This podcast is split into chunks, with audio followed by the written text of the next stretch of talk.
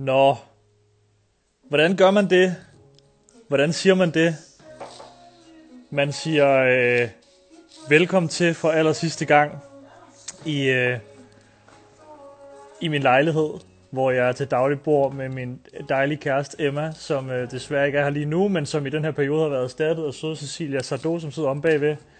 Hun er til daglig min manusforfatter, og øh, en af de primære grunde til, at det her det, det kunne lade sig gøre. Så Cecilia, skål i, øh, i cocktails, som vi har fået doneret til den her aften her, af et rigtig fedt brand, som hedder øh, Cocktails. Nu laver jeg lige lidt reklame, det kan I godt tage. Jeg har givet jer så meget, I bliver grådige nu. Jeg må gerne lave lidt reklame, fordi at, øh, til gengæld har jeg fået cocktails serveret. De her drenge her fra Cocktails, de laver altså færdigblandede cocktails. De smager fucking froderen, og vi har allerede drukket to, og vi kommer til at drikke resten, mens vi er sammen med jer. Jeg har to poser af dem her, hvor der er øh, seks færdigblandede cocktails i, så øh, stiller man gode spørgsmål, så øh, lærer vi dem altså blive givet ud på højkant. Hvad der er endnu federe, som for nogen er træls, det er, at man skal hente dem her ved mig. Så man får så et drop-off nede på, øh, nede på gaden hernede, så kan man jo lige sige hej og lave sådan en... Øh, så hvis man synes, det er fedt, så kan man jo gøre det. Hvis man synes, det er nederen, så kan man lade med at, at være med til at stille spørgsmål. Man må også godt stille spørgsmål og tak nej. Er man under 18, så fås de kraftet med os i alkoholfri eller til ens forældre. Det kan man selv vælge. Øhm, normalt så vil jeg jo slukke musikken her, fordi der vil komme en ind og være med. Det er der jo ikke nu. Jeg er, øh, jeg er den sidste gæst i hele det her show, og øh, jeg har lige haft Jørgen Let igennem. Jeg håber, I, øh, jeg håber, at I synes, at øh, det kunne bruges til noget. Jeg selv er sådan stadig lidt paf over at have sådan en mand som ham med på sådan en, en, en, øh, en forholdsvis naiv og primitiv øh, façon, som jeg har skabt her. Øh, til jer, som er dumpet ind nu, og har været med på, sådan, på den sidste halvdel af vejen, og til jer, som var med fra første uge, så øh, startede det her projekt jo seriøst med, at jeg skrev ud, at jeg synes, folk de skulle til at blive hjemme, og så skulle de bruge mig, hvis jeg kunne hjælpe med at få folk til at, øh, og, øh, og, og skrive nogle tv-serier og skrive noget fiktion. Og, øh, og så samlede jeg et hold af mine bedste venner og kollegaer og spurgte, vil I ikke være med? Altså den første uge til at snakke lidt med, med folk ude bag kameraen, og så lad os tale om det og lave kunst og være kreativ og, og skabe og lave film. Og øh, det der så skete, det var, at øh, vi sad sådan i slutningen af ugen og var sådan, vi bliver, vi bliver sgu nødt til at lave en finale på det her. Og så siger Cecilia sådan, okay, den vildeste jeg kunne slutte af med, det ville jo være at slutte af med Helle thorning Schmidt. Og øh, no shit, jeg skriver til hende på mail, i det vi får ideen, lige inden vi går live igen torsdag, og siger, Helle, jeg har et koncept, jeg taler med de unge, der er flere tusind, der har set med. Vi taler om det at lave, øh, at, at lave noget, mens man er isoleret. Vil du være med? Jeg ved godt, du nok ikke kommer til at læse den her mail, men jeg synes, du skulle have den alligevel. Og så gik der 15 minutter, så sagde hun, Jonas, der er ikke noget, jeg heller vil. Og derfra øh, var det ret nemt at, hvad skal man sige, få, øh, eller ikke nemt, det har taget en masse arbejde, men derfra så var der heldigvis en lang række fantastiske medvirkende, som havde lyst til at støtte op om det her øh, projekt. Når jeg er færdig her, så lægger jeg en lille overraskelse op til jer alle sammen ind på en Instagram, som jeg synes, I skal gå ind og tjekke op, noget jeg har gået og kreeret. Fordi vi stopper jo aldrig uden en finale.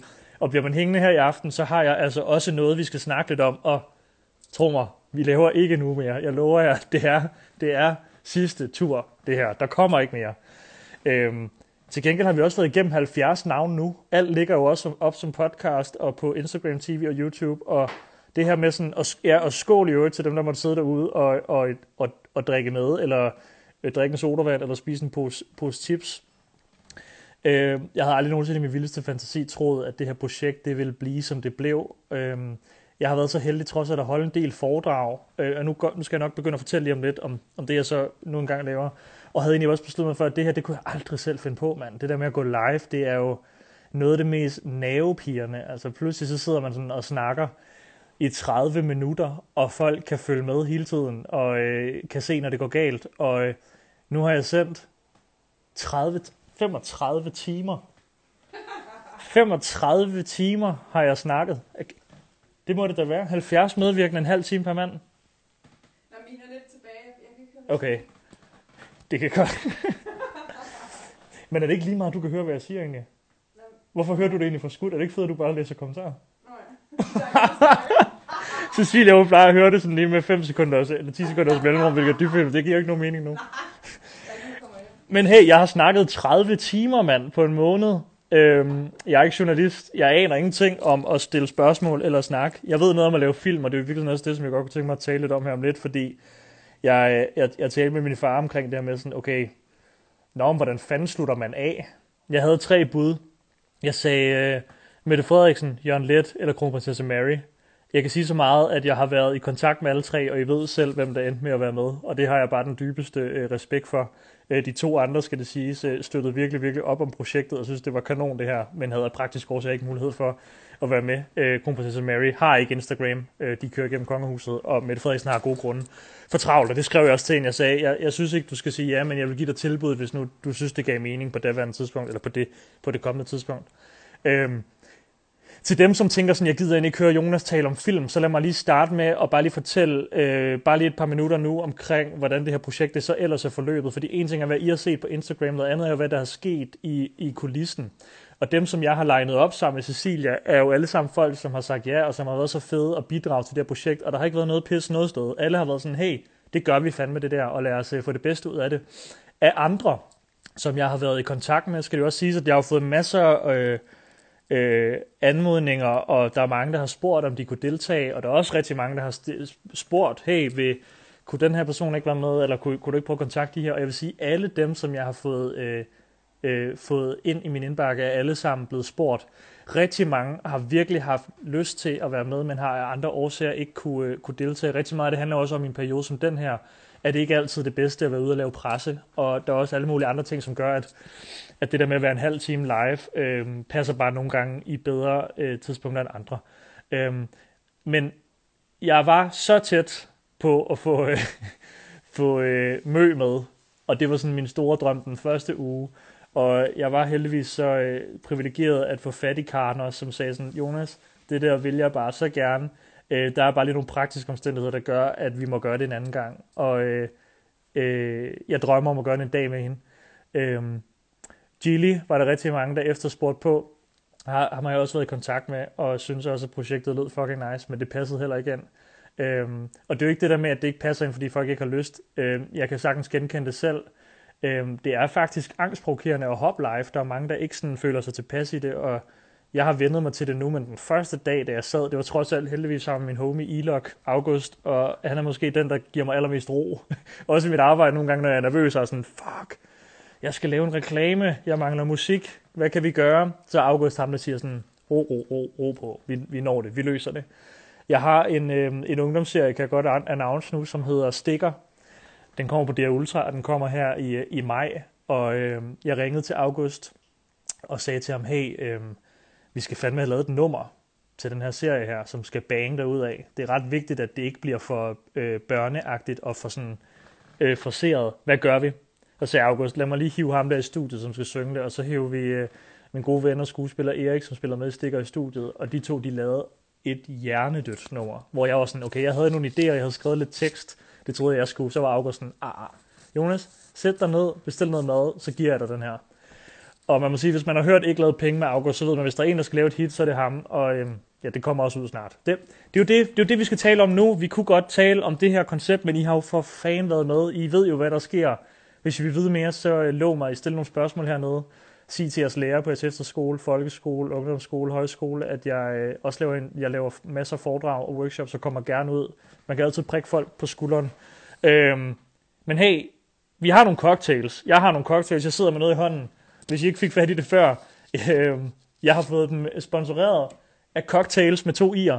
Ideen er altså, at man kan sende sådan en til en kammerat, og så kan man dele en cocktail den her tid virtuelt. Så hop ind på deres hjemmeside og bestil noget til en ven eller veninde. Men det man kan, det er, hvis man stiller spørgsmål, så er man så med i lodtrækning om at kunne komme og grab en af de her øh, poser, vi har. Og kæft, det bliver influenceret nu. Men jeg ved, I elsker det, og I griner af det, når jeg kommer til at møde jer, så kommer I til at sige, Haha. det her, det er seks cocktails. De ligger her i posen, de er færdigblandet, man skal ikke andet end at fylde dem med is. Så kører det.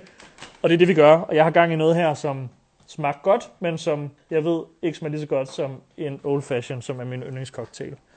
Øhm, lad os starte et sted, og så lad os se, hvor mange der synes, det er interessant, og så må I øh, love mig at stille øh, spørgsmål undervejs. Og til folk, der spørger, jeg bor i Valby, så det er altså her, der er pick-up.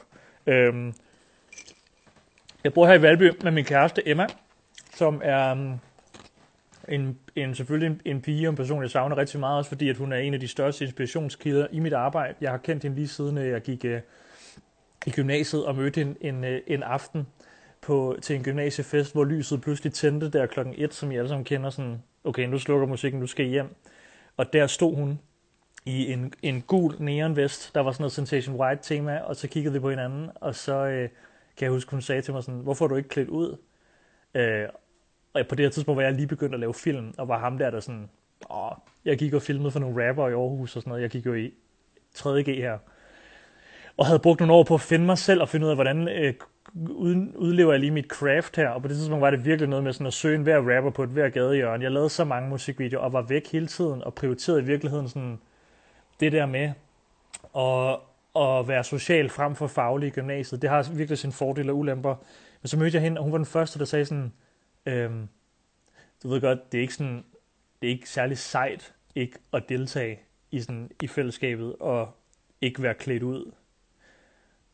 Og lige derfra var jeg sådan, okay, du er fucking irriterende, men du siger også noget til mig, som jeg ikke hørt nogen andre sige til mig endnu. Og øh, så gik der en måneds tid, og så var vi kærester, og det har vi været lige siden. Og grunden til, at jeg starter historien her med Emma, er i virkeligheden, fordi at hun jo også var årsagen til, at hele det her projekt startede, fordi jeg sad her i min lejlighed, og, øh, og, og på grund af hele den her coronasmitte, så, så var vi ligesom adskilt. Hun sidder i Jylland nu, og har det vildt dejligt ude i en skov, hvor hendes, øh, hvor hendes, hvor hendes familie bor, og det er et meget federe sted på mange måder, end at være i København. Jeg blev herover, fordi jeg havde en masse øh, arbejde, jeg stadig skulle lave, trods alt her i min lejlighed, men Cecilia, der sidder bagved, og jeg, vi skriver på en masse serier, og på, eller en masse serier, vi skriver på nogle lange projekter, som kræver, at man føler, at man skriver på en masse forskellige ting på en gang, fordi alt er så kludret nogle gange. Så derfor startede hele det her projekt, som jo er grund til, at I overhovedet lytter på mig nu. Øhm, og hvorfor så lytte på mig? Og hvorfor blive hængende lidt endnu? Jamen det er fordi, at jeg er måske den dimetrale modsætning af, hvad opskriften er på at øh, ende med at lave det, som jeg laver i dag. Fordi jeg har ikke lavet andet end fejl og gør det stadig øhm, den dag i dag. Og jeg gik, da jeg var ung, da jeg var, hvad har jeg været, 17 år, og så var min største drøm at blive øh, filminstruktør. Der var intet, jeg drømte mere om. Øhm, jeg ville gøre alt for det. Jeg havde, jeg, havde, jeg havde lavet film, jeg havde set film som en sindssyg, siden jeg var, øh, det ved jeg ikke, siden jeg var 10 år gammel. Jeg var helt vildt forelsket i E.T., jeg var forelsket i alt med Steven Spielberg, jeg elskede eventyrsfilm, jeg, jeg elskede Indiana Jones, jeg elskede alt, som sendte mig på den der rejse der. Øhm, elskede Peter Pan, øh, filmatisering. Jeg elskede alt, hvad der sådan var lidt for meget, og som var magisk. Øh, elskede Harry Potter, elskede Ringenes Herre. Og jeg vidste bare, at det der ville jeg så gerne en dag øh, selv lave. Så jeg gik selv og filmede og mobiliserede alle mine venner omkring mig til sådan, okay, lad os lave nogle film, mand. Lad os gå ud på den der eng eller den der skov, så lad os skyde hovedet af hinanden med nogle softguns, og håbe, der ikke er nogen, der bliver ramt, og så lad os vise det til pigerne, og så var det en måde, man sådan, når man ikke kunne spille fodbold, så kunne man score lidt op i skolen.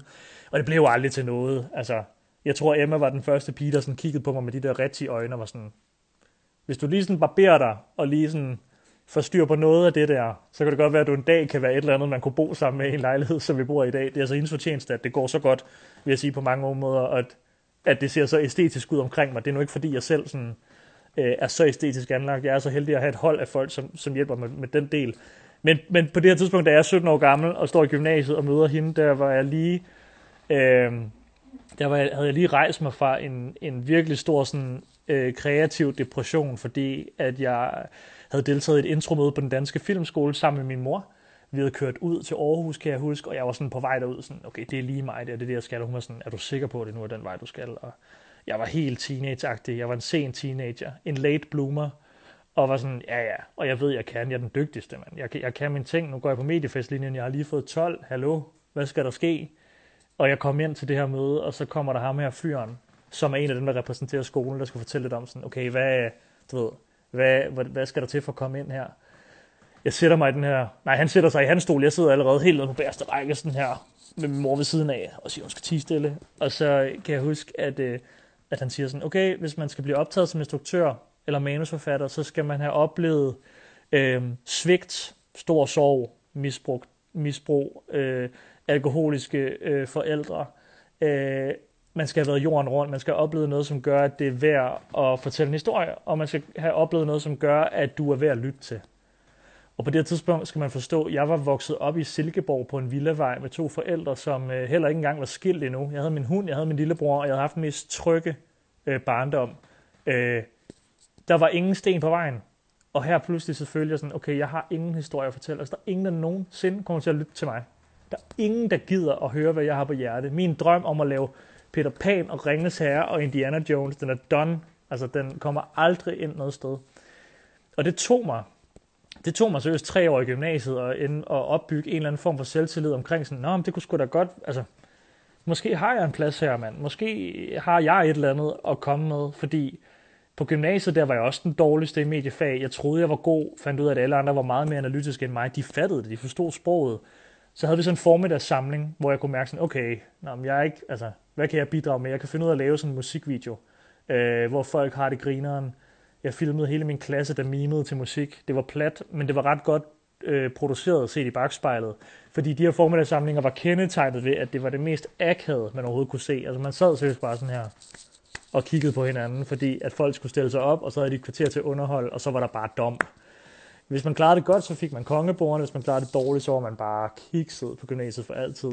Øhm, og her lavede vi den her formiddagssamling, og jeg kan huske, at vi spillede den ind i hallen her, eller i kantinen, så stod jeg ude på toilettet sådan og gemte mig, fordi jeg kunne slet ikke magt, hvis folk de synes, det ikke var godt.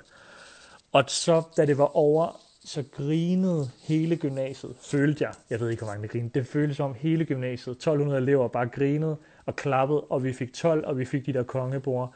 Og der lærte jeg sådan, okay, nej, jeg har måske ikke nogen historie, som er værd at fortælle endnu, men det jeg kan, det er, at jeg kan underholde. Og jeg kan få folk til at klappe, og jeg kan få folk til at grine. Og lad mig prøve at udvikle det, så jeg i dag også kan lave noget, hvor folk nogle gange får gåsehud, hvor nogle gange folk får en klump i maven, hvor folk øh, bliver rørt, hvor folk bliver forelsket igen, eller hvor folk mindes et eller andet, som de kan huske fra deres ungdom. Og det er virkelig det, jeg har arbejdet med lige siden. Så jeg vil sige, når folk har spurgt mig den, de, seneste, de seneste uger, øh, jeg har været så heldig, at der er mange medier, der har dækket det her. Jeg har lavet enormt mange radiointerviews, som jeg ikke har kunne poste af gode grunde. Øh, men jeg har lavet to om dagen den her uge bare i sig selv. Jeg håber, måske er der nogen af jer, der har hørt nogle af dem. Øhm, og et par steder er jeg blevet spurgt om det der med, jamen hey, køler vi ikke hinanden? Altså når du laver de her talks og fortæller folk om de her tricks og værktøjer og metoder, er det så i virkeligheden ikke en bjørnetjeneste, for skal folk ikke ud og finde ud af det selv? Men sagen er bare den, at de døre, som jeg fik lukket som ung, er der intet godt ved at få lukket. For vælger du på den ene eller den anden måde at begive dig ud på usikker grund i dit liv som et ung menneske, og vælger du at sige sådan, okay, når der hvor de andre går til venstre, der går jeg skulle lige til højre. Eller hey, øhm, når de andre tager på efterskole, jeg prøver lige sådan at tage ud og rejse lidt. Eller hey, de andre tager ud og rejse, jeg tror, jeg tager til København og arbejder på en café, selvom jeg ikke kender nogen mennesker. Der er så meget modgang i de valg i sig selv, så de der døre, der bliver lukket, de skal bare stå åbne.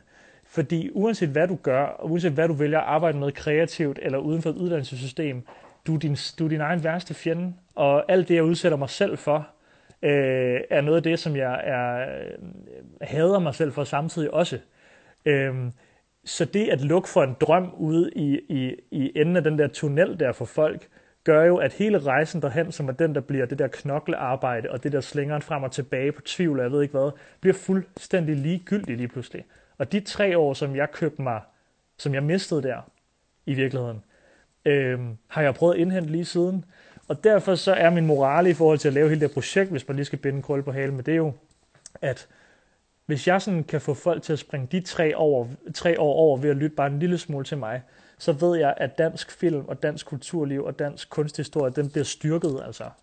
Folk de spørger mig sådan, hvordan, du er så ung, men hvordan kan du have opnået det? Du har lavet en dokumentar med Suspekt på DR3, du, ved, du har lavet en dokumentar med Dybvad på Zulu, du har udgivet to andre dokumentarer på DR3, så har du lavet din egen kortfilm, den vandt lige nogle priser, bla bla bla, nu laver du en tv-serie der, nu laver du en tv-serie der. Øh, du har arbejdet med hvad? Jeg har lavet 55 musikvideoer, der er alle mulige ting, man kan sige sådan, om det er da vildt, når du er så ung. Men jeg har altid været sådan, jeg glæder mig så meget til den dag, folk ikke længere siger sådan, om oh, det er ham der den unge der. Jonas fra Silkeborg, han er fucking ung, og han har nået ting. Jeg vil bare gerne være ham, som er en dygtig instruktør, og det er jeg ikke blevet kaldt nogensinde før det her projekt. Det er første gang, jeg er blevet krediteret som instruktør, Jonas Risvig inviterer til masterclasses, og det er for mig, når folk også spørger her, hvad har det givet mig? Det har givet mig faktisk en bekræftelse i, at jeg har en stemme, som jeg ikke havde for en måned siden. Og det er især jeres skyld, og det er jeres fortjeneste, at I gider lytte, fordi jeg har øh, intet at komme med i forhold til at kunne sige sådan, min barndom den var så hård, jeg håber ikke, det sker for nogen andre. Min barndom var fantastisk. Men de klø, som jeg har taget på mig, øh, har jeg lært, at dem kan jeg fjerne for andre ved at tage ud og inspirere nogen. Og i virkeligheden er det jo det, vi gør lige nu. Og det er også derfor, jeg er så glad for, at der er så mange, der gider sidde og lytte med på det her, fordi øh, det her, det er for jeres skyld. og derfor så vil jeg også prøve sådan, en ting er, at jeg sidder og snakker, og kører det i en retning og sådan noget, men, men jeg vil også prøve at, at hive jeres øh, spørgsmål ind, og det bliver jo sådan lidt i øst og vest, så det, det må I bære over med. Jeg skal nok prøve sådan at gøre det generelt så meget som muligt, når vi tager den her snak. Øh, men jeg vil bare lige sige, det som jeg blev spurgt allermest om, det er, hvad sker der så der, hvor jeg går ud af gymnasiet og finder ud af, okay, det her med film, er det noget, jeg skal lave? Skål. Øhm, da jeg går ud af gymnasiet, så ved jeg, jeg har ingen plan, jeg har ingen sikring, jeg har ingen penge. Mine venner, de rejser jorden rundt og tager på højskole. Jeg bliver nødt til at gøre noget aktivt, så jeg oprettede mit eget firma, og så skrev jeg rundt til 100 artister i Danmark, og der var ingen, der svarede. Og så pludselig en dag, så skriver Emil fra Suspekt til mig lige op til Smukfest det år. Jeg var lige blevet student, så skriver han, hey, vil du ikke komme og filme os på Smukfest, så kan det være, vi lægger det op. Og jeg var helt op at køre. Og jeg gjorde alt, hvad jeg kunne for det her job. Altså jeg tog derud og filmede hele natten, og jeg klippede hele natten, og næste morgen leverede jeg den her fil til ham, og så sagde jeg, okay, hvad med det her? Er det ikke sygt? Og så var han heldigvis sådan, jo, det er fedt, vi lægger det op, tak. Og det var ubetalt, alt var sådan, alt var frivilligt her. Øhm, og så sker der det, at der bare er totalt stille. Og det er jo tit det, der sker. Man går bare sådan og frygter, ringer de nogensinde igen? Og de ringede bare ikke. Der var bare ingen, der ringede. Og jeg gik rundt i to-tre måneder i Silkeborg. Øh, min kæreste Emma studerede stadig på det her tidspunkt, og jeg var totalt i vildrede, fordi det var i København, det skete, og der var intet i Silkeborg. Jeg kunne ikke lave film nogen steder, der jeg kendte ingen, der lavede film. Altså alt var, sådan, alt var musik, og ellers så var det bare afsted til Aarhus eller København. Og så pludselig en dag, så er jeg ude og gå med min hund, og så ringer Emil fra Suspekt til mig, og så siger han sådan, hey Jonas, hvad hedder det? Tak for sidst. Og der tager jeg mig selv i at lade min arrogance tage over, så jeg siger sådan, hey, hvad så Emil? Jamen, ikke så meget, sådan, og rimelig travl, og sådan, hvad så, hvad kan jeg hjælpe med? Og så er han sådan, hey, det, når vi har bare talt om, det var fedt, det du lavede sidst, man. Har du ikke lyst til at komme til København, og så følge os, og så se, om det kan blive til et eller andet? Måske kan vi lave nogle flere videoer og sådan noget. Og der tager jeg mig selv i at stå med min hund på min øh, vej i Sejs Svejbæk ude for Silkeborg, Tyttebevej. Det der, hvor skolen ligger. Der var 100 meter i skole for mig. Og så siger jeg, øh, det må vi lige se på. Jeg, jeg går lige hjem og tjekker kalenderen, men jeg ringer lige tilbage.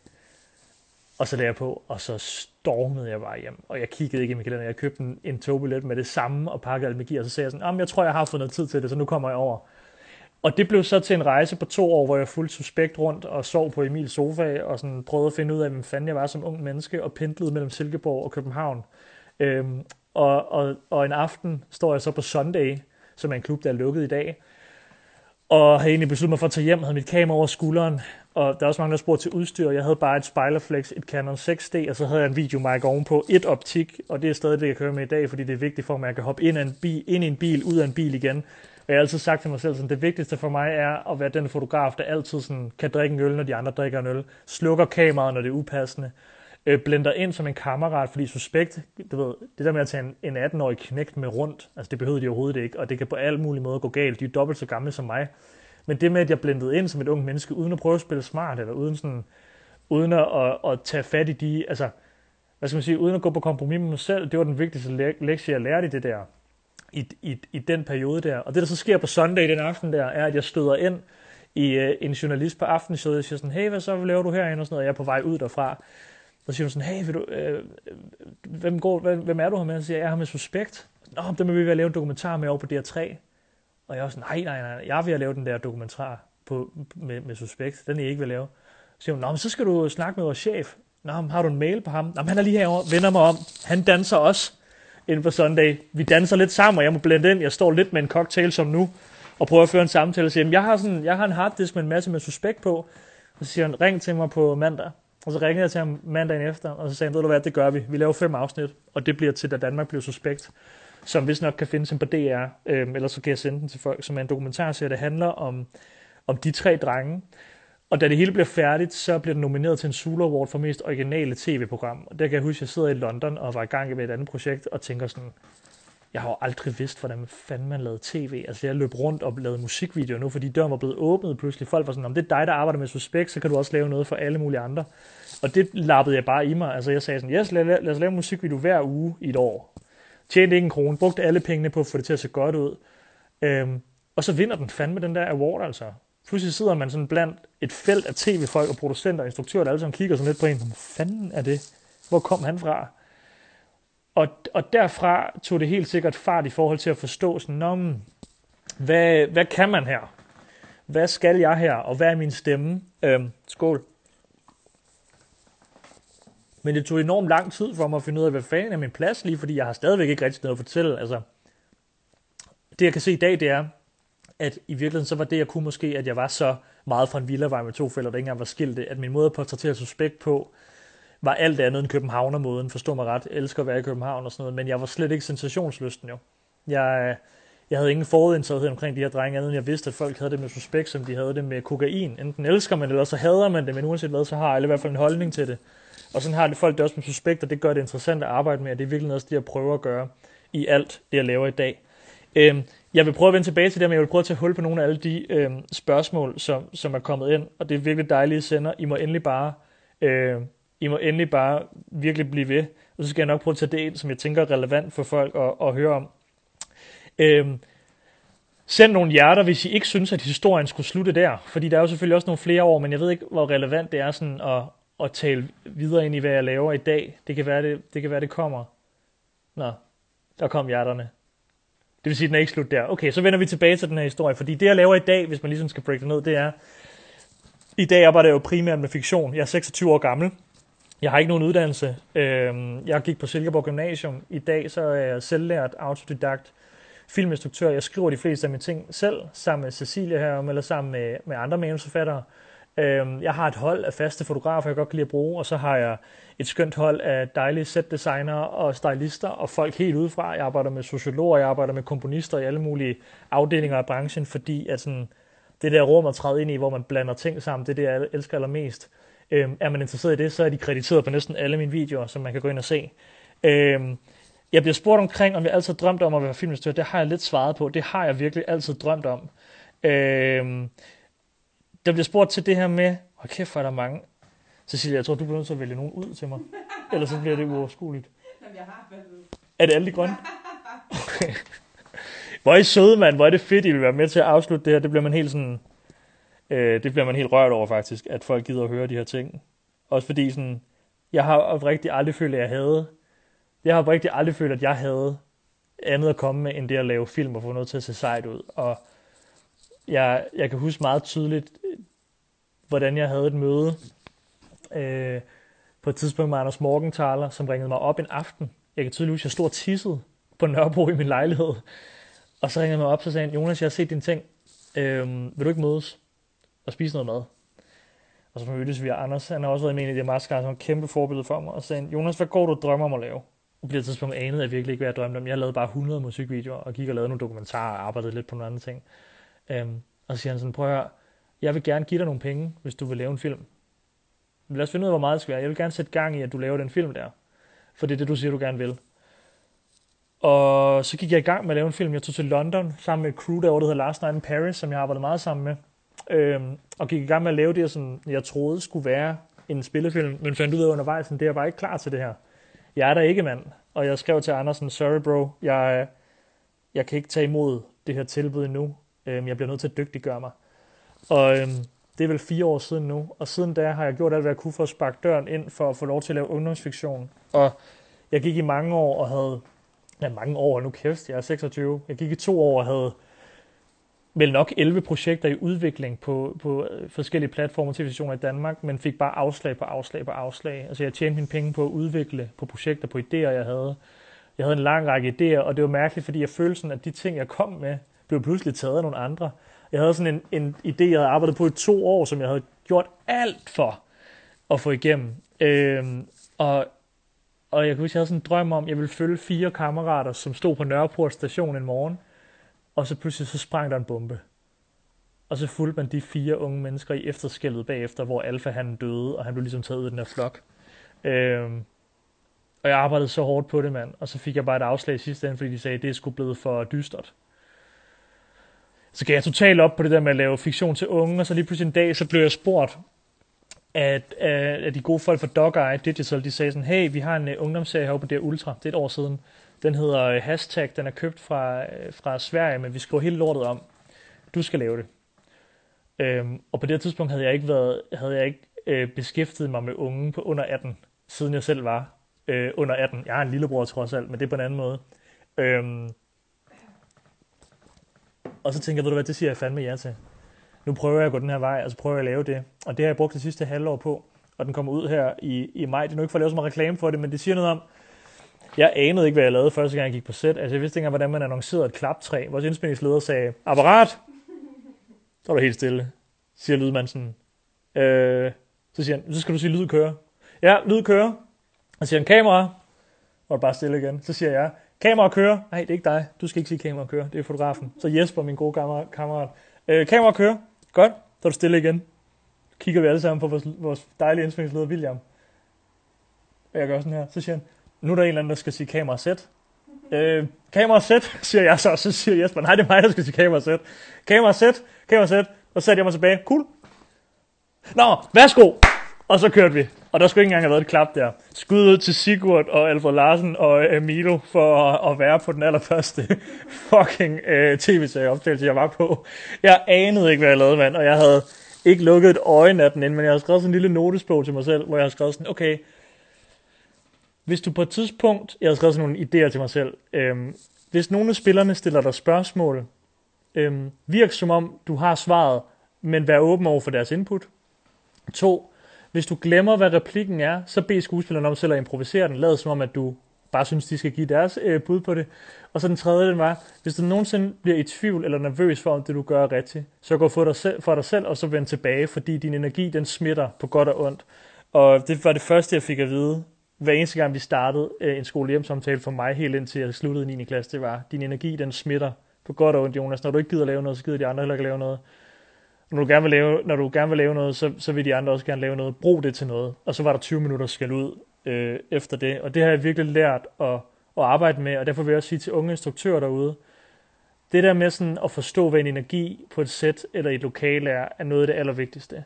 Og det der med at være en, en ven og en person, der forstår, hvad folk de sådan... Jeg er så glad for alle de her spørgsmål. Jeg kan næsten ikke, øh, jeg kan næsten ikke åbne op for dem. Øh, jeg, jeg, jeg, har, jeg har meget jeg har meget svært ved det der med at arbejde i konstellationer, hvor man ikke bliver venner, og det er jo en god og en dårlig ting. Øh, det gør, at man nogle gange må tage nogle opgør, og det gør også, at man nogle gange må tage et brud, og det gør også, at man nogle gange må break up med dem, man, man egentlig har kært og arbejder godt sammen med. Men på den anden side gør det også i længden, at du begynder at danne nogle relationer, som er øh, enormt vigtige for din kreativitet. Jeg vil gerne fremhæve min, min første kortfilm, der hedder Ingen siger farvel, men alle forsvinder. Øhm, som jeg især vil råde unge instruktører til at se, fordi jeg sender gerne både manus og vores skudlister og alt, hvad vi egentlig havde i den proces, fordi det, som jeg lærte der, var, at jeg havde ingenting. Altså, jeg havde en drøm. Jeg havde en kiosk i Sejs Fejbæk, hvor jeg selv arbejdede, da jeg var ung. Det er lige uden for Silkeborg, øhm, ude ved Silkeborgsøerne. Og, og jeg vidste sådan, jeg vil prøve at lave en historie, der foregår her. Jeg havde aldrig arbejdet sammen med en skuespiller før. Og så ringede jeg op til de her folk, som jeg tænkte, okay, de kunne være fede at besætte. Og jeg, jeg, jeg synes, de var så vilde alle sammen. De kunne deres ting, de dukkede op, de havde sådan, de havde omformuleret nogle ting, jeg havde skrevet. Jeg kunne pludselig se, hvordan det levede. Øhm, skud til Jonas Blond og Claus Højner, som filmede det og fik det til at se så fantastisk ud. Mathias Lose, der fik det til at lyde så smukt. Øh, Veronica Maria Bak, som fik det til sådan at, at, at leve i, i styling og så designer sine høj, som, som hjalp mig med at, at instruere og skrive det hele. Og da jeg så havde hele det her projekt, så tænkte jeg, ved du hvad, nu prøver jeg fandme at gå hele vejen. Nu kigger jeg, og så fandt jeg ud af, at M&M Productions, som er ledet af Kim Magnusson, som har været en stor inspiration for mig, øh, er nogle af dem, der måske har sådan det mest øh, imponerende CV i forhold til sådan hele den der Oscar-drøm, og det med at tage på filmfestival og sådan noget. Ham skrev jeg til, så siger Kim, jeg har den her idé. Jeg forstår virkelig godt, hvis du ikke synes, det er godt nok, men kunne du tænke dig at distribuere den? Øh, og så sagde jeg bare sådan, det handler om noget, som jeg tror, jeg ved, hvad er. Men jeg forstår også godt, hvis du ikke forstår det, men jeg lover dig, at hvis du giver mig chancen, så bliver det her startskud på hele min karriere, og den vil jeg drukne dig i champagne over resten af dit liv. Så kan jeg huske, at gik den uge, hvor jeg kørte ned, så pludselig skrev hans assistent, øhm, Kim vil gerne mødes i morgen på det her hotel. Og så trådte jeg op sådan helt kuldret, okay, hvad skal der ske her? Øhm, og jeg havde lavet 50 musikvideoer. Jeg var jo vant til at gå på et sæt og få ting til at se seje ud, men jeg var eddermame ikke vant til at fortælle historier og få nogle spillere til at spille godt. Og så dukkede jeg op, og så kan jeg huske, at han sagde sådan, Jonas, hold kæft, hvor vil jeg gerne sige nej til det her projekt, for det er eddermame op ad bakke. Men den mail, du sendte der, den, kan jeg ikke, øh, den kunne jeg ikke stå for. Så lad os gøre det. Og så gjorde vi det, og han endte med at producere øh, hele filmen. Og for den dag lærte jeg, at det der med en mail, er jo også i virkeligheden grund til, at Helle thorning Schmidt lige pludselig joiner, og at Jørgen Let lige pludselig er, er online med mig her for blot en time siden. Det handler om, hvilken approach man har til de folk, man arbejder med, og det handler om at vide præcis, hvad man kan og hvad man ikke kan. Jeg har aldrig nogensinde bilde folk ind, at jeg har styr på noget, jeg ikke har styr på. Hvis jeg har, så har det været en fejl, og så har det været, fordi vi ikke har været gode til at kommunikere.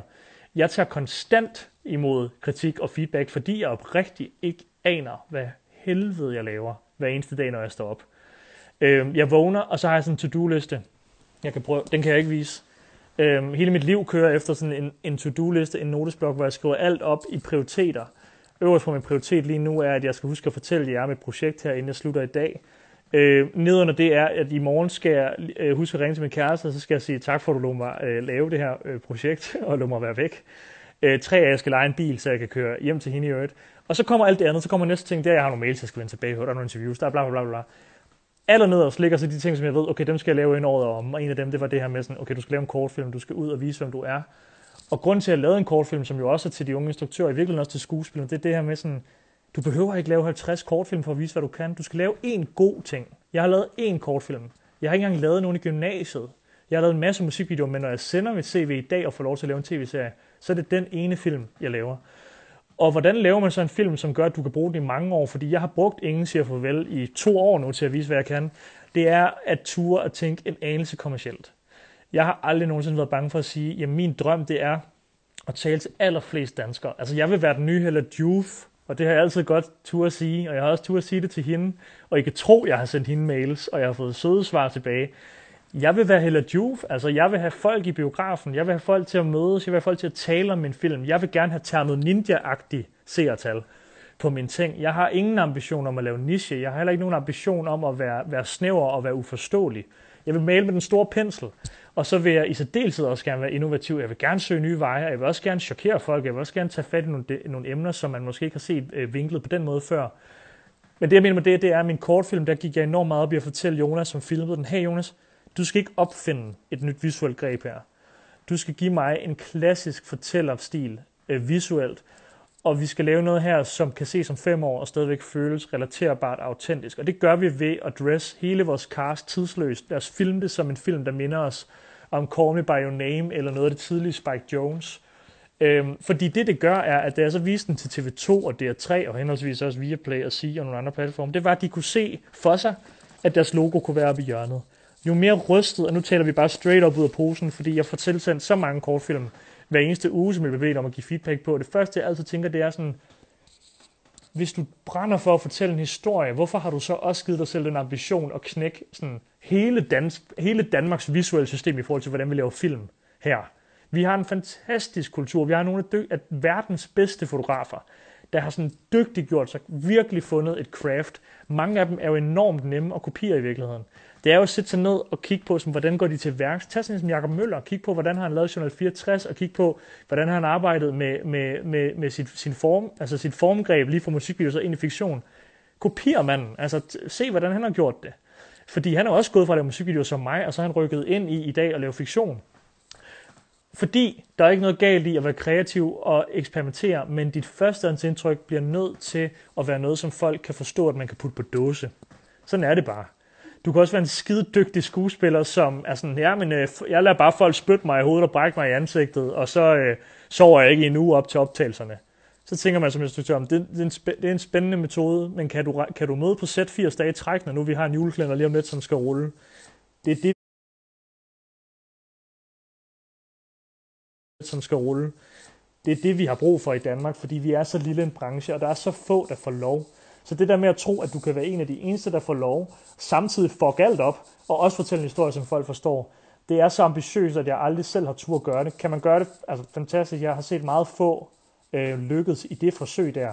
Så jeg vil bare sige, en, en, man må ikke være bange for at være klassisk. Man må ikke være bange for at være tidsløs. Man må ikke være bange for at sige, jeg vil bare gerne lave en kærlighedsfilm. Det er det.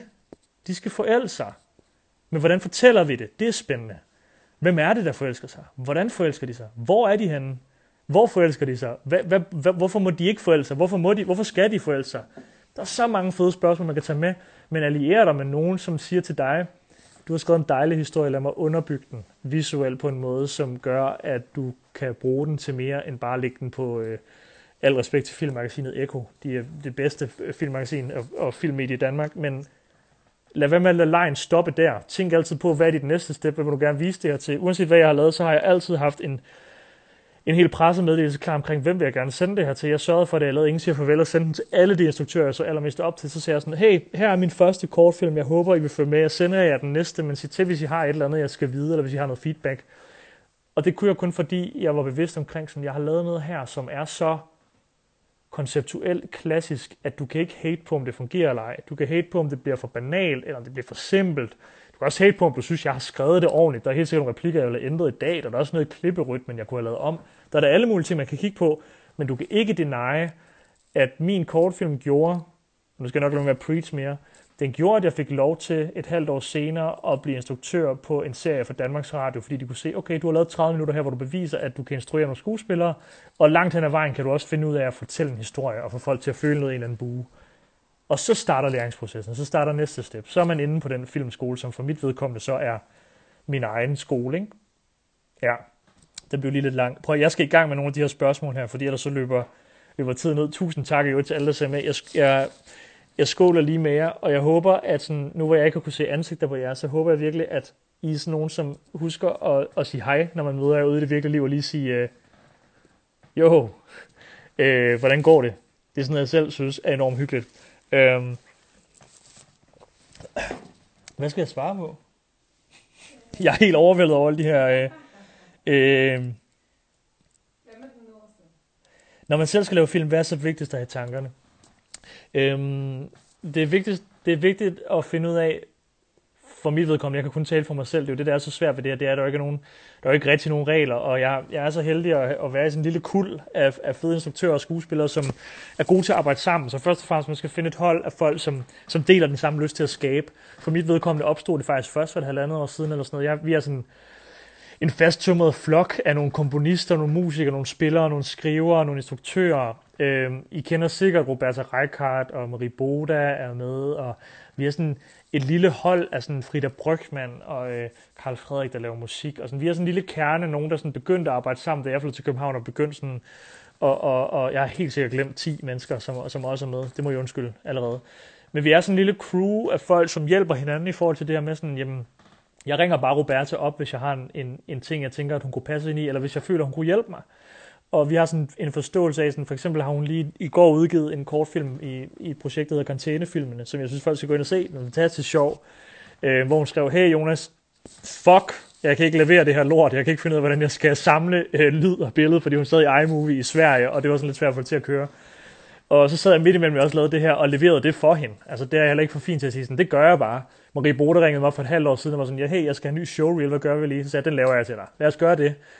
Det der med at finde et crew af folk, som hjælper hinanden med at presse hinanden frem, og hvor man ved, at der ligger nogle tjenester derude, når man i dag har brug for dem, det er enormt vigtigt. Så skal man prøve at finde ud af, hvad man gerne vil fortælle, og det er jo sådan det, man altid siger. Og hvad nu, hvis man sidder et sted, hvor man ikke aner, hvad man skal fortælle? Jeg anede ikke, hvad jeg skulle fortælle i starten, men det jeg vidste, det var, jeg ved godt, hvad jeg vil have folk til at føle. Jeg vil gerne underholde folk, og det er også derfor, hvis man ser ingen siger farvel, så pludselig er der en fucking isbjørn midt i det hele, der svømmer rundt. Og til dem, der har spurgt, ja, vi var i Aalborg og skød en isbjørn, Jonas Blond og Claus, de stod. Øh, eller også var det Odense, stod op en hel dag og ventede på, at den der isbjørn endelig gik i vandet. Og så kom dens øh, unge, og den var altså ikke stor nok, for jeg havde bedt om en voksen isbjørn, der skulle svømme, svømme rundt og plaske. Og endelig kom den, og så blev det bare helt magisk. Og det vil jeg jo også sige, man skal jo alliere sig med nogen, som kan tage en til det næste. For mit vedkommende var det at arbejde med øh, Jakob Møller, Jesper Christensen, øh, Jonas Blond, øh, helt sikkert en lang række andre, øh, Jason, Idris, øh, Rasmus Rørbæk, Rasmus Rørbæk på det tidspunkt også, øh, Ian Isak har jeg brugt meget, Daniel Krav Jacobsen, de er så begge to instruktører, øh, Jeppe Koldstrup har jeg, har jeg brugt enormt meget, Kasper Balslev har, jeg, har jeg set bekendtskab med for nyligt, men har jeg altid set meget op til. Det er det der med at finde nogen, som man tør at tage fra, Daniel Krav har jeg, har jeg brugt enormt meget sådan til at sige sådan, Daniel, vil du læse det her igennem for mig? Altså brugt ham som en mentor. Og han er så fed, han er inviteret til workshops også, hvor han siger sådan, kom lige op, jeg skal lige prøve at teste en øvelse på jer, som jeg godt kunne tænke mig at lave på nogle spillere på et tidspunkt. Og så sidder vi der, seks instruktører, og spiller skuespil lige pludselig og lærer, hvordan er det at være på den anden side. Og det vil jeg også sige en lektie til instruktørerne. Det er jo det der med sådan, spil selv. Altså, jeg læser alle mine egne manus op selv, og det er frygteligt. Men jeg har sådan en vision om, en hver scene og det er også det, jeg virkelig prøver at lære, når jeg er rundt til folk. En hver scene skal kunne spilles af dine forældre. Det kan godt være, at det bliver sygt akavet at se dem spille den, men hvis de ikke kan lave nogenlunde præstation på en scene, og vi ikke kan forstå det, så er det simpelthen, fordi den ikke er skrevet godt nok.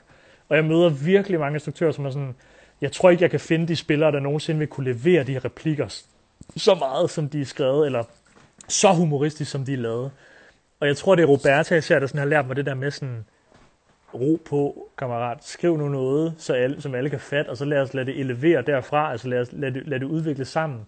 Lad være med at tro, at dit manus er koden til, at det her bliver en god film, fordi Øh, det, det, det simple er jo også det, som der skal gøre, at man kan bygge oven på det. Og i virkeligheden er det smukke, når man så ender med at gøre det og lave film, og det, som der tænder mig allermest, det er det her med sådan, i Ingen siger farvel er der en fantastisk øh, cykelscene med Marie Boda og Victor øh, Medum, som der cykler under en bro. Og i manus står der jo bare sådan, øh, Mynte og Jeppe cykler under en bro. Sød musik spiller. Men den linje har både Marie læst, så har Victor læst den, så har de tænkt, okay, hvordan er det lige, vi cykler? Hvordan sidder vi? Hvordan gør vi det? Så har Veronica med sætdesigner tænkt, hvordan ser cyklen ud? Har Marie måske en paraply, fordi det er ved at trække op til storm? Så læser min sounddesigner det og tænker, nå, det kunne godt være, der skulle være noget torden i baggrunden. Så ser min komponist det og tænker, okay, det skal lyde som noget, der er bevæget. Der skal være bevægelse i musikken. Vi skal have dem ud at cykle. Vi skal også lidt have publikum til at forelske sig og forstå, at nu forelsker de sig. Så har vi Jonas Blond, der skal filme det, der siger sådan, okay, hvordan, hvordan helt konkret gør vi det? Hvordan giver vi dem plads til at vise naturen, samtidig med at vi også viser den der intimitet af at sidde bag på hinanden på en cykel? Så har vi Claus, der laver lys, der pludselig får at vide sådan, okay, du kan ikke have en lampe med, fordi vi bevæger os. Sådan sådan, når man kunne vi skyde det på det her tidspunkt på dagen, så, så har vi en klipper, der modtager det og tænker sådan, okay, det skal være lige præcis så langt, og det skal time sådan her musikken, før det giver mening. Så har vi en grader, der siger sådan, hey, lad os tone det lidt ned, sådan så vi, vi isolerer billedet omkring de her to, der cykler. Og alle de der steps er jo en linje i et manus. Og der sidder jeg så tilbage og sådan, fuck mand. Så skrev jeg bare lige, at de cyklede på en cykel.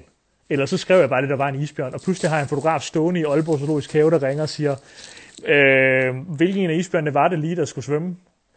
Og pludselig finder man ud af, at det der, du skriver i et manus, det er jo en guideline, men lad det nu være så simpelt, så alle folk kan stemple ind i processen, for jo mere kluder du gør, der siger sådan, er, øh, jeg er ikke sikker på, at I helt forstår, hvor det er, jeg gerne vil hen her, men jeg må, jeg må prøve at forklare det igen så fucking gå tilbage og finde ud af, hvordan du forklarer det, så folk kan læse det første gang, fordi du gør det meget nemmere for dig selv, i forhold til, at der også på et tidspunkt er et publikum, der eventuelt skal føle et eller andet på det. Det her det er en lektie, og jeg vil sige, det her kan jeg jo ikke sidde og sige til store, altså til, til dygtige erfarne instruktører, som er bedre end mig. Jeg taler jo kun til folk, som er på mit niveau, som øh, for mit, for mit vedkommende er enormt meget begynderniveau stadigvæk. Jeg lærer hver dag, og jeg er slet ikke i en position, hvor jeg kan sige, sådan, det er sådan her, du gør, og det er sådan her, det skal være. Øh, så derfor så må jeg også huske, at, at alt jeg laver her og siger, prove me wrong, altså gå ud og gør jeres egen ting. Øh, skål igen. Fuck tiden, den løber. Og undskyld, jeg banner. Øh, jeg er meget, meget glad for, at I alle sammen ser med. Øh, jeg ved ikke, I må gerne anmode mig, hvis I vil gå live, hvis I vil gå live med mig. Jeg havde sådan en drøm om, at jeg gik live med hele øh, klassen her til sidst, men jeg ved ikke, om det overhovedet giver mening. Det kan være, at der er nogen, der, hvis der er nogen, jeg kender, så anmod lige hernede. Jeg tør ikke at tilføje Erik 88 fra, fra Hobro. Jeg ved ikke, hvad han vil sige til mig, eller om han vil skælde mig ud, eller om han viser bare maven, når han kommer op lige om lidt. Så hvis der er nogen, jeg kender, der tænker, de har et eller andet, de vil knytte til det, eller har en tanke, så, så join. Øhm, Cecilia om bagved har været så sød nu at markere nogle spørgsmål til mig. Fordi I har skrevet så mange, og jeg håber, jeg er nået lidt omkring nogle af dem, ellers så må jeg så love mig og, at, øh, og, skrive, og så skal I også love mig lige at holde øje med noget, jeg lægger op her, når vi er færdige øh, igen. Hvordan har du fundet frem til dit æstetiske udtryk? Vi var lidt inde på det før. Øhm, kæmpe skud til, øh, til mine kære fotografer og min setdesigner og stylister. Ej, hvor er det sødt. Nu er der nogen, der spørger, om de vil, kan gå live med mig. Okay, giv mig lige et sekund. Jeg svarer lige på de her spørgsmål. Øhm, for prøv at høre. Tvivler du nogle gange på dit arbejde med en slags, slags ærefrygt? Øh, altid. Hver dag. Øh, jeg er meget bange nu. Jeg sidder og snakker med jer. Jeg er meget bange for, for den serie, jeg skal lancere i maj. Jeg er bange for at stille mig op på en scene. Jeg er hunderad for at møde ind på en, en højskole. Jeg er også hunderad, hver gang jeg skal vise noget til min kæreste, fordi at hun var den første, der sagde til mig, det er ikke sejt at være ham der, som ikke gider at være en del af det her op og flyve rundt alle mulige andre steder. Og jeg har fløjet meget i mit liv. Jeg har haft øh, perioder, som, øh, som har været gode, og jeg har haft perioder, som har været dårlige, og jeg har lært meget af det her med sådan, at det er fedt at flyve, men det er frygteligt det der med sådan og, og føle, at man ikke har noget sted at lande. Og for mit eget vedkommende har det været enormt vigtigt, det der med hele tiden at filtrere, hvad er det for nogle ting, jeg gerne vil vinge af, og hvorfor vil jeg gerne vinge dem af. Øhm, jeg har nogle, nogle drømme omkring, at jeg gerne vil lave fiktion til unge, og faktisk allerhelst dem, som er under 18 år, øh, fordi jeg virkelig synes, det er et sted, vi har et hul i det danske marked. Øh, jeg synes, der er mange, der ikke har taget den, øh, den målgruppe øh, alvorligt i, i lang tid. Øh, derudover vil jeg også sige, at Øhm, jeg, jeg gik sådan på et tidspunkt og vingede af, sådan, okay, hvad kunne være det sygeste at Jeg tror, mange instruktører som mig har sådan en drøm om, okay, det der med at arbejde med Kanye, det kunne være for sindssygt. min største sådan, drøm, det er jo at blive som Spike Jones. Han startede med at lave Jackass og musikvideoer, og så lavede han lige Høge med Joaquin Phoenix, som jo er min yndlingsfilm, hvis folk spørger noget. Fuldstændig fantastisk. Øh, han er sådan manden for mig, for, for en, der har gjort alt det, som jeg gerne vil med min karriere, eller mit arbejde. Men når det kommer til stykket, så har jeg fundet ud af, at det der med at jagte sådan en ting med sådan, åh, sygt arbejde sammen med Kanye, jeg var så tæt på det, øh, i, på et tidspunkt, det er en lille anekdote, som der ikke er så mange, der ved, men, men for et par år siden blev jeg ringet op af skuddet til Rasmus Stabell, øh, som jeg i dag også deler kontor med, som sagde til mig sådan, hey Jonas, øh, vi har Pusha T i Danmark, han kommer og ser sin kunstudstilling, og vi skal have dig til at øh, filme det her, og så skal du lave en video øh, til ham, som de kan bruge. Øh, og det lavede jeg så, og filmede ham og dukkede op, og jeg var helt starstruck. Altså det var det tætteste, jeg kom på Kanye og på hele det her eventyr. Og så kan jeg huske, at jeg lavede filmen færdig og sendte den til dem. Så var de cool, altså så over på, på Pushers management var de sådan, det er fedt mand, vi kan godt lide det. Øhm, bare lige, vi vil gerne, eller Kanye vil gerne krediteres i videoen, fordi at han er art director på hele projektet. Er det cool? Og jeg var sådan, øh, ja, nu skriver jeg lige øh, Kanye West på min tastatur og nyder det for nok sidste gang i mit liv, hvor han selv fucking har bedt om det. Og jeg tastede så langsomt, det var et K, det var et A, og, øh, og gjorde den færdig. Og sådan, der snuste jeg til det der, og kunne bare mærke sådan, det er hvad det er, mand. Det er nogle gamle mænd jo. Altså, jeg vil lave ting med de unge. Det er også derfor, at jeg øh, har lavet gratis musikvideoer for K-Fax og Michael Williams og Marcello og øh, forhåbentlig skal jeg arbejde med, med Kvarti også her på et tidspunkt, fordi jeg elsker den energi. Madman Max, øh, Flex Like Kev, alle de der drenge der, er dem, jeg tjekker allermest op for, når, når jeg ikke hører udenlandsk hiphop, fordi at jeg synes, det er fedt at pulle op på bloggen, eller på, i skolegården, og så bare skyde noget med de der drenge der. Og det er også derfor sådan, jeg vil sige til alle dem, der gør deres ting derude, altså kontakt mig, fordi øh, jeg, jeg, har, jeg, jeg er så heldig i dag at, at, at, at, at tjene øh, mine penge på nogle andre ting, så jeg er altså åben over for at lave de der ting. Øh, jeg bliver, ja, vi skal finde nogle vinder af de her cocktailposer. Øh, kunne man skrive til dem bagefter, eller hvad? Ja. Ja, okay. Ja. Vi skriver til jer bagefter. Altså det er jo igen, man kan vinde de her cocktails, og man kan komme her og lave et pick-up med mig. Øhm, prøv at høre. Øhm, fuck, tiden den løber. Jeg ved ikke, hvordan man runder sådan noget her af. Hvad er der stemning for? Er der stemning for, at vi runder af? Eller er der stemning for, at man tager et kvarter mere? Eller hvad? Hvad betyder hjerterne? Betyder det, at man, rund, man runder af? Kan, vi sige, kan, man, kan, man, kan man sende et hjerte, hvis man synes, vi skal fortsætte et kvarter mere?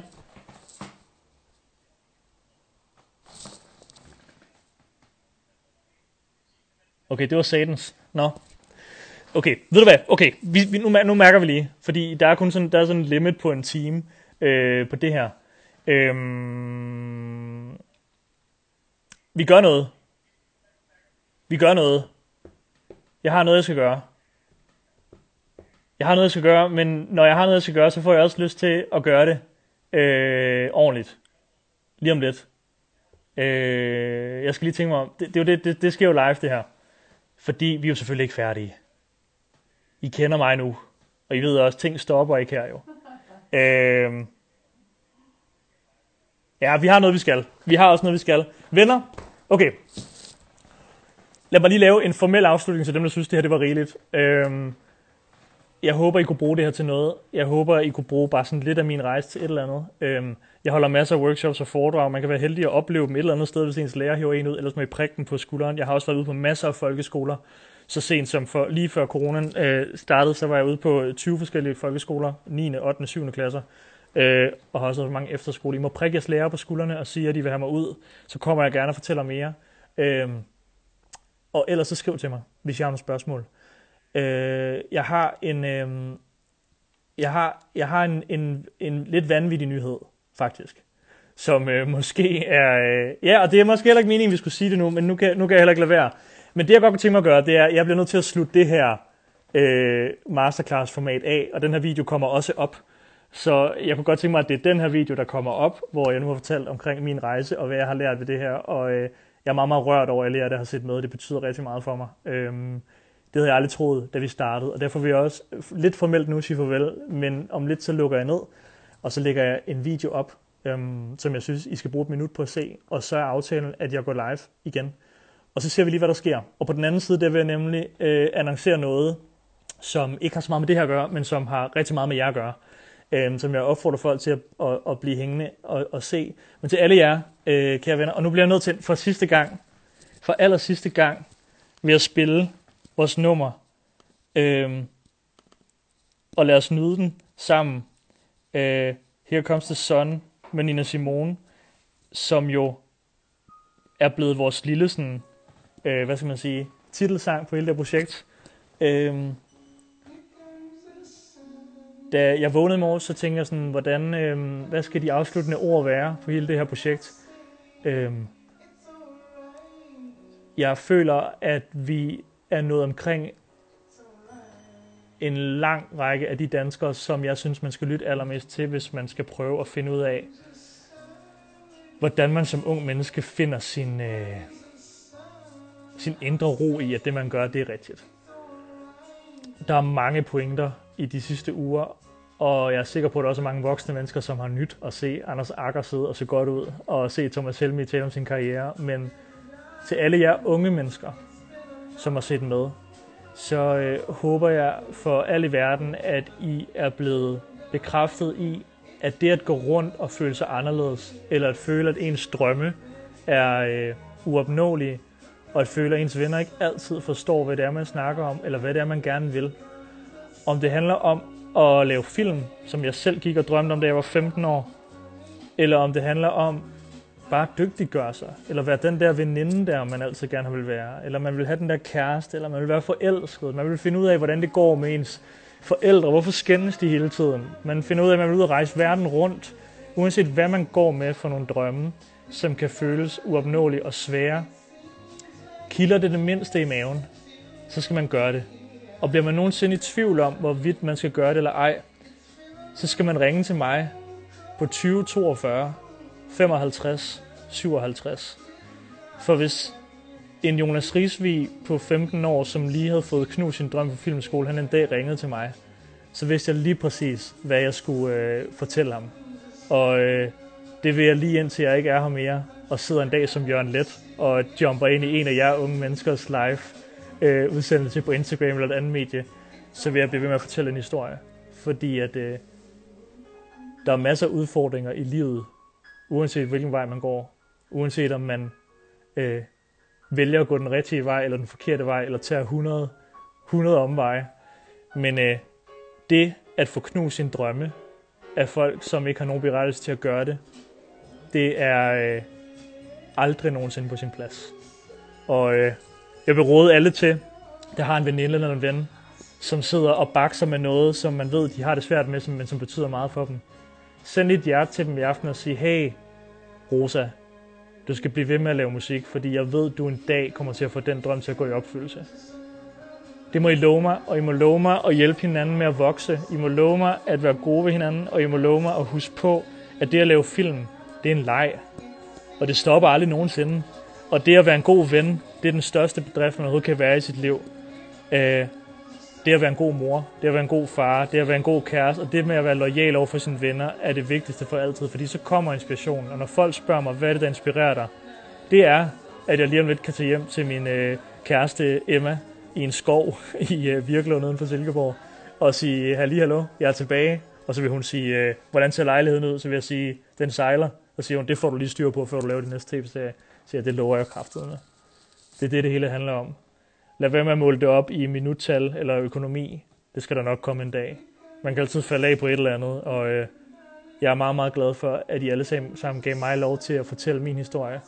Jeg øh, har aldrig troet, at den vil være relevant for nogen. Øh, nu kan jeg bare sige til alle de unge mennesker, som får at vide, at deres historie ikke er spændende nok, eller det, de kommer fra, er alt for almindeligt, eller alt for godt til, at nogen nogensinde gider at høre det. Jeg vil gerne høre det, og I har hørt på mig, og øh, der er 70 af landets største artister, kunstnere, journalister og, øh, og danske navne på hver deres felt, som har sagt, at de også gerne vil være med til at fortælle den her historie sammen med mig for jer. Så han var sgu wrong, ham der på filmskolen, som sagde, at der ikke var nogen, der gad at høre. For sidste gang, det her, det er Cecilia Sardo, hun er min øh, manusforfatter. Øh, gå ind og følg hende på, øh, på Instagram. Hun har tagget mig på nogle ting. Følg med i hendes arbejde. Det er hende, man skriver til, hvis man gerne vil lære at forfatte. Og øh, nu er der 10 sekunder tilbage, så bliver jeg smidt af. Så mine damer og herrer, tak fordi I så med. Jeg er online lige om lidt igen, men om noget nyt. Det her, det var sidste gang. Mine damer og herrer, Jeg er ude. Vi ses.